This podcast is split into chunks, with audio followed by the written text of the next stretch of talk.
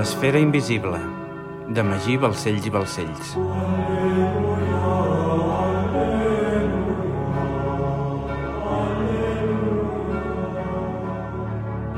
Capítol 27. Talent dels infants. Dilluns, 2 de gener de 1307. Santa Coloma de Caral, Principat de Catalunya. El dia s'alçava clar i lluminós sobre la baixa Sagarra, després d'uns quants dies de boira que havien gebrat el paisatge per complet. Algunes branques s'havien trencat pel pes del gel i diversos arbres fruiters havien mort. Però aquell matí, amb la claror del sol i el desglàs, havia canviat el color de la comarca, passant d'un aspecte glaçat a un domit en qüestió de poques hores. Havien transcorregut més de dos anys des de que Joan havia començat les obres de Belllloc i en aquest temps havia après moltes coses. Es passava el dia dirigint les obres i esculpint sobre la pedra i quan queia el sol marxava per llegir vora del foc a la casa que li havien llogat els Roqueta, la família del seu tiet Gelabert. Pierre de Castellnou li havia deixat diversos llibres que Joan devorava amb desmesurada passió. Les obres del santuari eren lentes i tot i que s'havia hagut d'interrompre amb la mort i el funeral de Guillem, en dos anys encara s'havia fet prou feina. Pere IV de Caral havia fet donació del molí de Bonfill al santuari i els havia declarat exempts d'impostos. Aquest fet, sumat a les grans donacions que els Caral ja havien fet en el passat, havien enriquit el santuari de forma notable i, per tant, es va poder contractar un gran nombre de persones per la reforma. A més a més, el petit temple aviat passaria a formar part de l'Ordre de la Mercè, perquè la comunitat de donats havia deixat d'existir. Pierre de Castellnou s'havia cuidat de fer venir els mercedaris, un ordre molt vinculat amb la noblesa catalana, per allunyar encara més els vincles del santuari amb el temple i passar així inadvertits. Un cop s'enllestissin totes les obres, s'enviaria una comunitat de mercedaris que es faria càrrec del convent. El petit temple era un espai rectangular molt senzill i les feines de Joan consistien en afegir dues capelles laterals, allargar la nau amb un nou absis canviar la volta de canó per una creueria més alta, afegir un claustre amb diverses dependències, embellir la porta d'entrada i construir una cripta sota el temple per servir de panteó als Caral. El primer que va fer Joan, un cop traçat els plànols, aconseguit el material i contractat el personal, va ser desmuntar la volta de canó, tot guardant les pedres i conservant els murs, per reduir les probabilitats d'ensorrament a l'hora de fer la cripta. Amb les pedres ben apilades i les parets sense la càrrega de la volta, era molt més fàcil treballar en el subsol. Fins al moment tot havia sortit com Joan esperava, i en l'actualitat la cripta havia estat conclosa amb èxit i es disposaven a construir les capelles laterals i la volta de creueria. Sota la pesada làpida, unes escales descendien uns metres fins a arribar a la cripta, que en forma rectangular, volta de canó i molt sòbriament adornada, servia ja de noble mausoleu als membres més importants de l'heroica nissaga Sagarreta. A la part del fons, l'estandard dels Caral presidia el panteó, amb una petita taula sobre daurada als peus i un vell relicari a sobre. Davant el panó i el relicari hi havia quatre senzills sarcòfags de pedra un al costat de l'altre i l'arca amb el cor de Guillem just al mig de la cripta. A la part superior dels quatre sarcòfags de pedra hi havia esculpides estàtues jacents de cavallers vestits amb túnica, cota de malla, els braços creuats a l'altura de la cintura i una espasa dins una veina que contenia el lleó rampant dels Caral gravat. El baró s'havia cuidat d'agrupar les despulles dels seus ancestres i havia pogut reunir els més importants del llinatge. Els sarcòfags eren senzills i austers, en comparació amb l'honor d'aquells homes sepultats, ja que, per expressa voluntat del baró i Pierre de Castellnou, el sarcòfag de Guillem havia de sobresortir sobre la resta. L'arc amb el cor era un lloc temporal. S'havia d'esculpir un sarcòfag que estigués a l'altura de la dignitat de Guillem, com a conseqüència, Joan havia fet portar el millor alabastre de Serraial per construir-lo. Joan supervisava tots els aspectes arquitectònics, però dedicava la major part del temps a esculpir ell mateix sobre la pedra. Pierre de Castellnou li havia deixat molt clar que la prova d'iniciació no versaria tant en les qualitats arquitectòniques del temple com en la simbologia dels gravats de la porta i el gran sarcòfag que havia d'acollir el cor de Guillem. Pierre havia dit a Joan que la portalada havia de transmetre un inequívoc missatge intel·ligible només per als membres de la germandat i que el sarcòfag havia de deixar clar amb precisa nitidesa de qui es tractava aquella sepultura. Joan havia realitzat un vell sarcòfag, al qual només li mancava la tapa. Es tractava de deu plafons d'alabastre units, quatre per un cantó, un a la capçalera, quatre més a l'altre cantó i un altre als peus, conformant una gran caixa rectangular. Cada plafó contenia pinacles esculpits als extrems per dissimular els punts d'unió i estaven emmarcats per un arc de mig punt lleugerament apuntat, amb florons, motius vegetals i l'escut dels Caral i els Castellnou a cada costat. Els vuit plafons lateral eren baixos relleus amb una processó de plorants que contenien imatges de persones afligides, vestides de dol, amb túniques i caputxes. I els plafons de la capçalera i els peus eren la representació del cor a les armes, identificant, per tant, de qui es tractava aquella sepultura, ja que només hi havia un caral a qui s'hagués dedicat una cerimònia fúnebre d'aquelles proporcions. El plafó dels peus contenia un cavaller muntant un cavall amb l'escut dels caral al revés i arrossegant el panó, i el del cap, un cavaller caigut aguantat pel turmell. Finalment, la totalitat del noble sepulcre descansava sobre sis lleons que feien de peus i els sustentaven. A diferència de la resta de sepultures, el sarcòfag a dos vessants de Guillem no estaria a la cripta, sinó que presidiria la capella lateral esquerra del temple, en tractar-se d'una peça monumental única. La tapa encara estava per fer, i a l'espera de tenir alguna idea, Joan havia procedit a esculpir les pedres de la portalada. L'entrada del temple es trobava a la part oest i es tractava d'una porta de mig punt, amb un timpà envoltat per sis arquivolques d'arc rodó que descansaven sobre columnes i pilastres amb capitells molt senzills. Sense desmuntar cap pedra, Joan les gravava amb la massa i el cisell, suaument i amb paciència, fins a transformar-les en unes sinuoses representacions animals i vegetals, tot usant sanefes i delicades decoracions. En conjunt, la iconografia i els gravats van aconseguir certa monumentalitat en la porta d'entrada, però d'altra banda no destacava en comparació amb els molts temples que hi havia escampats pel país. No obstant això, Joan tenia pensat un últim gravat que aniria en l'arquivolta exterior, un gravat que li donaria el caràcter que el temple requeria. Aparentment, estaria en harmonia amb la resta, però per les ments instruïdes, aquelles pedres transmetrien un missatge únic i inconfusible. Joan havia estat molt temps pensant en quina havia de ser la forma més idònia per transmetre el conjunt de la filosofia que Pierre li havia explicat. Joan volia que amb uns senzills gravats es pogués sintetitzar de forma perfecta el gruix dels preceptes hermètics que havia après. L'arquivolta exterior havia de fer possible el seu ingrés a la Masia Endosang Real i, per tant, havia de ser un missatge potent i comprensible per als iniciats. Joan va estar molt temps intentant aconseguir trobar una fórmula correcta i adequada a la prova que estava passant, però no va ser fins que es va deixar portar pels seus instints que ho va aconseguir. Tot havia estat no feia ni unes setmanes amb Pierre de Castellnou. Pierre el visitava tot sovint per seguir-lo instruint, animar-lo i respondre a totes les seves preguntes i inquietuds. Joan que des de sempre havia tingut gran curiositat pels perquès de la vida i després de la seva experiència en el seminari del temple i del que Pierre li havia explicat, tenia moltes preguntes. Mentre esculpia, reflexionava de forma constant i quan alguna cosa no li quadrava o no trobava resposta, es guardava la seva pregunta en la ment per la pròxima vegada que veiés a Pierre.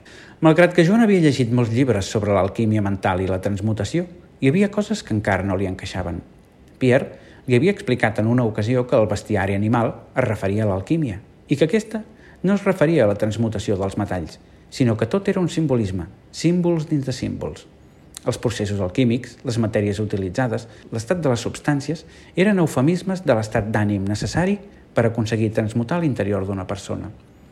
A Joan li costava creure i entendre com es podia canviar una persona amb la ment, i així ho va preguntar un dia Pierre, i la resposta que aquest li va donar el va deixar bocabadat. Has d'entendre, Joan, que l'univers és la creació mental d'una ment eterna i infinita. Una ment que és la suma de totes les ments vives de l'univers. Tot és una creació mental manifestada en energia, per la combinació de vibració i consciència. Vivim, som part i ens desenvolupem en el si d'aquesta ment universal. Tot el que t'envolta ha estat creat per aquesta ment. Tot. Creat per la ment? va dir Joan, incrèdul. Tot el que ens envolta s'ha creat arran d'un pensament. Aquesta ment única és intel·ligència pura omniscient i perfecte. Ho és tot i està tot arreu. Tot el que hi ha a l'univers està connectat. Milions i milions de ments vivents connectades que construeixen i reconstrueixen l'univers amb els seus pensaments des de l'inici dels temps. Tot és un camp d'energia interconnectat. Cada ésser vivent intervé, ni que sigui de forma modesta, a forjar la realitat de la suma. Tu, jo i cada persona és un trosset de Déu en un cos físic. Som intel·ligència encarnada, així que, en essència, nosaltres som l'origen de l'univers. Però, va dir Joan, sense entendre res, totes les tradicions religioses, el va tallar Pierre, diuen que els homes hem estat fets a imatge i semblança de Déu, i hem d'entendre el que això significa. Tot funciona seguint les mateixes lleis. La ment universal està sotmesa a les mateixes lleis que la ment humana per crear. Analitzant com creem els homes, podem entendre com crea Déu, perquè com és a dalt és a baix, tot té una justa correspondència. I com crea l'home? va preguntar. Els homes podem crear de diferents maneres, per reproducció sexual o mitjançant els materials que tenim a l'abast, amb els que podem crear estris, cases, llibres. Vols dir que Déu crea per reproducció? va preguntar Joan. Espera't, espera't, no corris tant, va dir Pierre. Aquestes formes de creació necessiten agents externs per ser possibles. Per la reproducció es necessiten dues cèl·lules i per fer qualsevol estri necessitem matèria, ferro, pedra, fusta. Però, segons totes les tradicions religioses i filosòfiques, Déu va crear l'univers des del buit, sense accedir a aquests elements externs, des del no-res. Ara pensa i contesta'm. Hi ha algun tipus de creació on l'home no necessiti accedir al món físic i a la matèria? Eh, no, va contestar Joan instantàniament. T'equivoques, li va dir Pierre. La resposta és sí. Hi ha una forma de creació que no requereix cap tipus de material, que es genera des del no-res i sense la qual mai hauríem sortit de les cavernes. Des del primitiu instrument de caça fins a una cadira, una casa, les armes de guerra, les catedrals, els països, les ciutats, les lleis que en regeixen o qualsevol cosa creada pels humans mai haurien existit sense néixer abans en la ment de l'home. Qualsevol invent de la humanitat és fruit de la seva imaginació. Tot el que els homes som capaços d'imaginar es manifesta en el món físic. La imaginació ho és tot. És un veritable vaticini, la visualització del futur. Les idees mentals dels homes, més tard o més d'hora, es manifesten sobre la matèria. Però, per materialitzar les idees i els pensaments, hem hagut d'accedir al món físic per construir-los, li va dir Joan. La diferència entre un vassall i un senyor el poder de l'Església i les lleis que en regeixen se sostenen perquè estan escrites en un paper o perquè són acceptades per la majoria de les ments humanes. A diferència dels animals, l'home té l'extraordinari poder de concebre i construir-se a si mateix i de canviar també el món que l'envolta, ja que al cap i a la fi, el món és com és perquè l'home l'ha concebut així. Nosaltres, cadascun de nosaltres, som els creadors de la nostra realitat. Home, eh, vist així, va dir Joan. Potser no he estat prou explícit, va dir Pierre. La matèria existeix només pels nostres sentits, ja que en realitat és una il·lusió creada per la ment. La matèria és un agregat de partícules, la unitat més petita de manifestació de la ment universal, un agregat de minúscules unitats de força que es troben vibrant i girant en forma circular, formant els àtoms. Aquests, al seu torn, fan el mateix formant molècules, i aquestes fan el mateix component les grans masses de matèria. Llavors, sí que existeix la matèria, va afirmar Joan. Si colpeges una fusta amb el palmell de la mà, Escoltaràs l'impacte i notaràs el cop. Semblarà real, però tot i així, sabem que no existeix com a tal. No és més que una agrupació de partícules. Sentiràs l'impacte gràcies a la intervenció del teu cervell, el receptacle de la teva ment, que al seu torn també és matèria constituïda per agrupació de partícules. Tota la matèria es compon igual, tan sols canvia la seva intensitat vibratòria. Però de tota aquesta història, què és l'únic rellevant?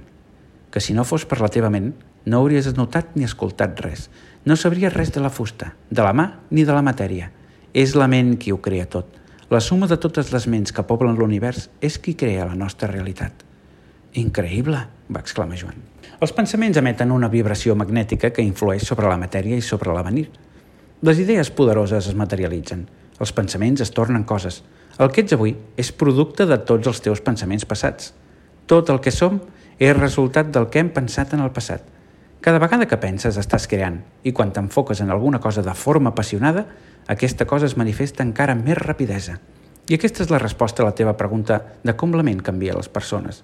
Els homes que saben transmutar les seves emocions i pensaments al pol indicat aconsegueixen fer realitat els seus somnis. El pol indicat? I, I quin és el pol indicat? Tot és doble. Tot té dos pols. Tot el seu parell d'oposats. Els semblants i els antagònics són el mateix. Els oposats són idèntics en naturalesa, però diferents en grau. Els extrems es toquen. Totes les veritats són mitges veritats. Totes les paradoxes poden reconciliar-se. Joan es va quedar callat sense entendre res i Pierre va continuar. En cada cosa hi ha dos pols, dos aspectes oposats que en realitat són dos extrems de la mateixa cosa. Fred i calor són la mateixa cosa, temperatura. Només canvia el grau de vibració entre ells. Són conceptes relatius. Sempre els has de comparar amb una altra temperatura. On acaba el fred i comença la calor? La temperatura de la tardor és freda en relació a l'estiu, però calenta en relació a l'hivern. On acaba la foscor i comença la claror? Quina és la diferència entre alt i baix, gran i petit, dur i tou, blanc i negre, positiu i negatiu? Tot és el mateix, només canvia el grau de vibració entre ells. Però No estàvem parlant dels pensaments i la ment. Has de tenir en compte que aquest principi actua de la mateixa manera a escala mental i, per tant, podem transformar de forma voluntària a l'odi en amor, el pessimisme en optimisme, els vicis en virtuts, a l'ingratitud en gratitud. Com? va preguntar Joan. Prenent consciència i enfocant la teva ment en el que vols canviar. La por no s'elimina negant-la, s'elimina enfocant-se en el valor, repetint-se una vegada i una altra en la ment que un té coratge suficient per superar les adversitats. Prenent consciència de les nostres debilitats i enfocant-nos en els seus oposats, la por es convertirà en valor. La dependència del que diran en independència. La manipulació per la superstició esdevindrà consciència i llibertat. Aquesta és la veritable essència de l'autèntica alquímia espiritual, la que ens permet conciliar els oposats en el nostre propi tenor per aconseguir fer realitat els nostres somnis i obtenir la felicitat. Reconciliar els oposats per fer realitat els nostres somnis? va preguntar Joan.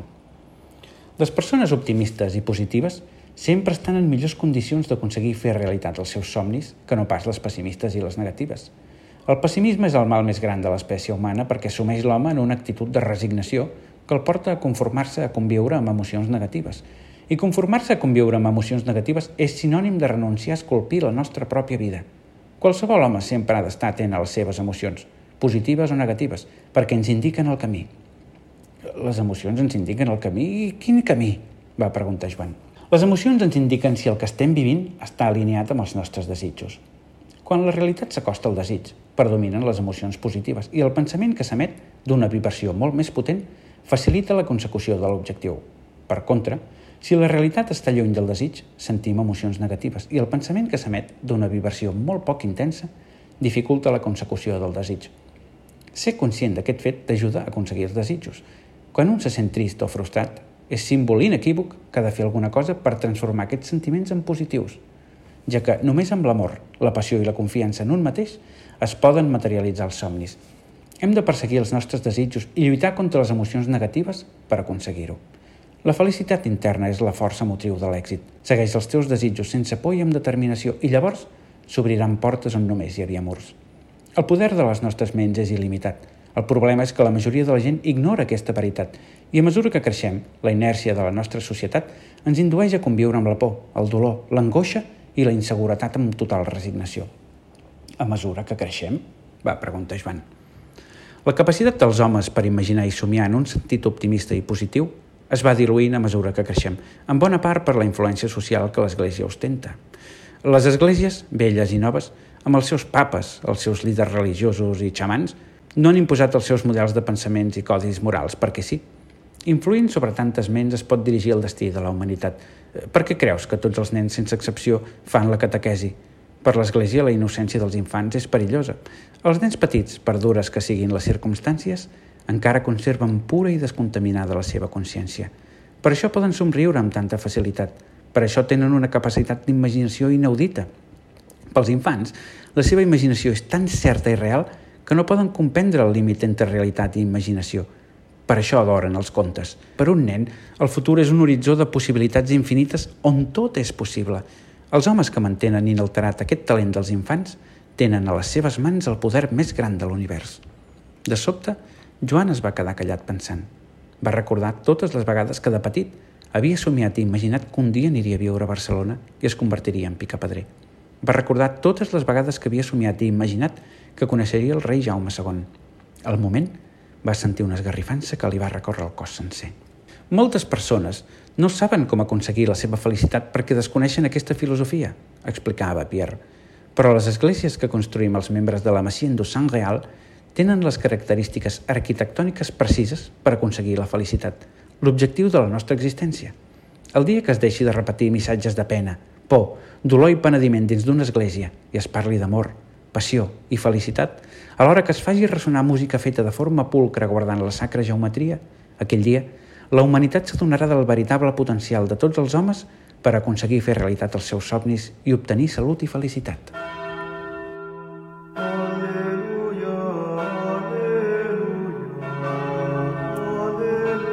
L'esfera invisible, de Magí Balcells i Balcells. Aleluia.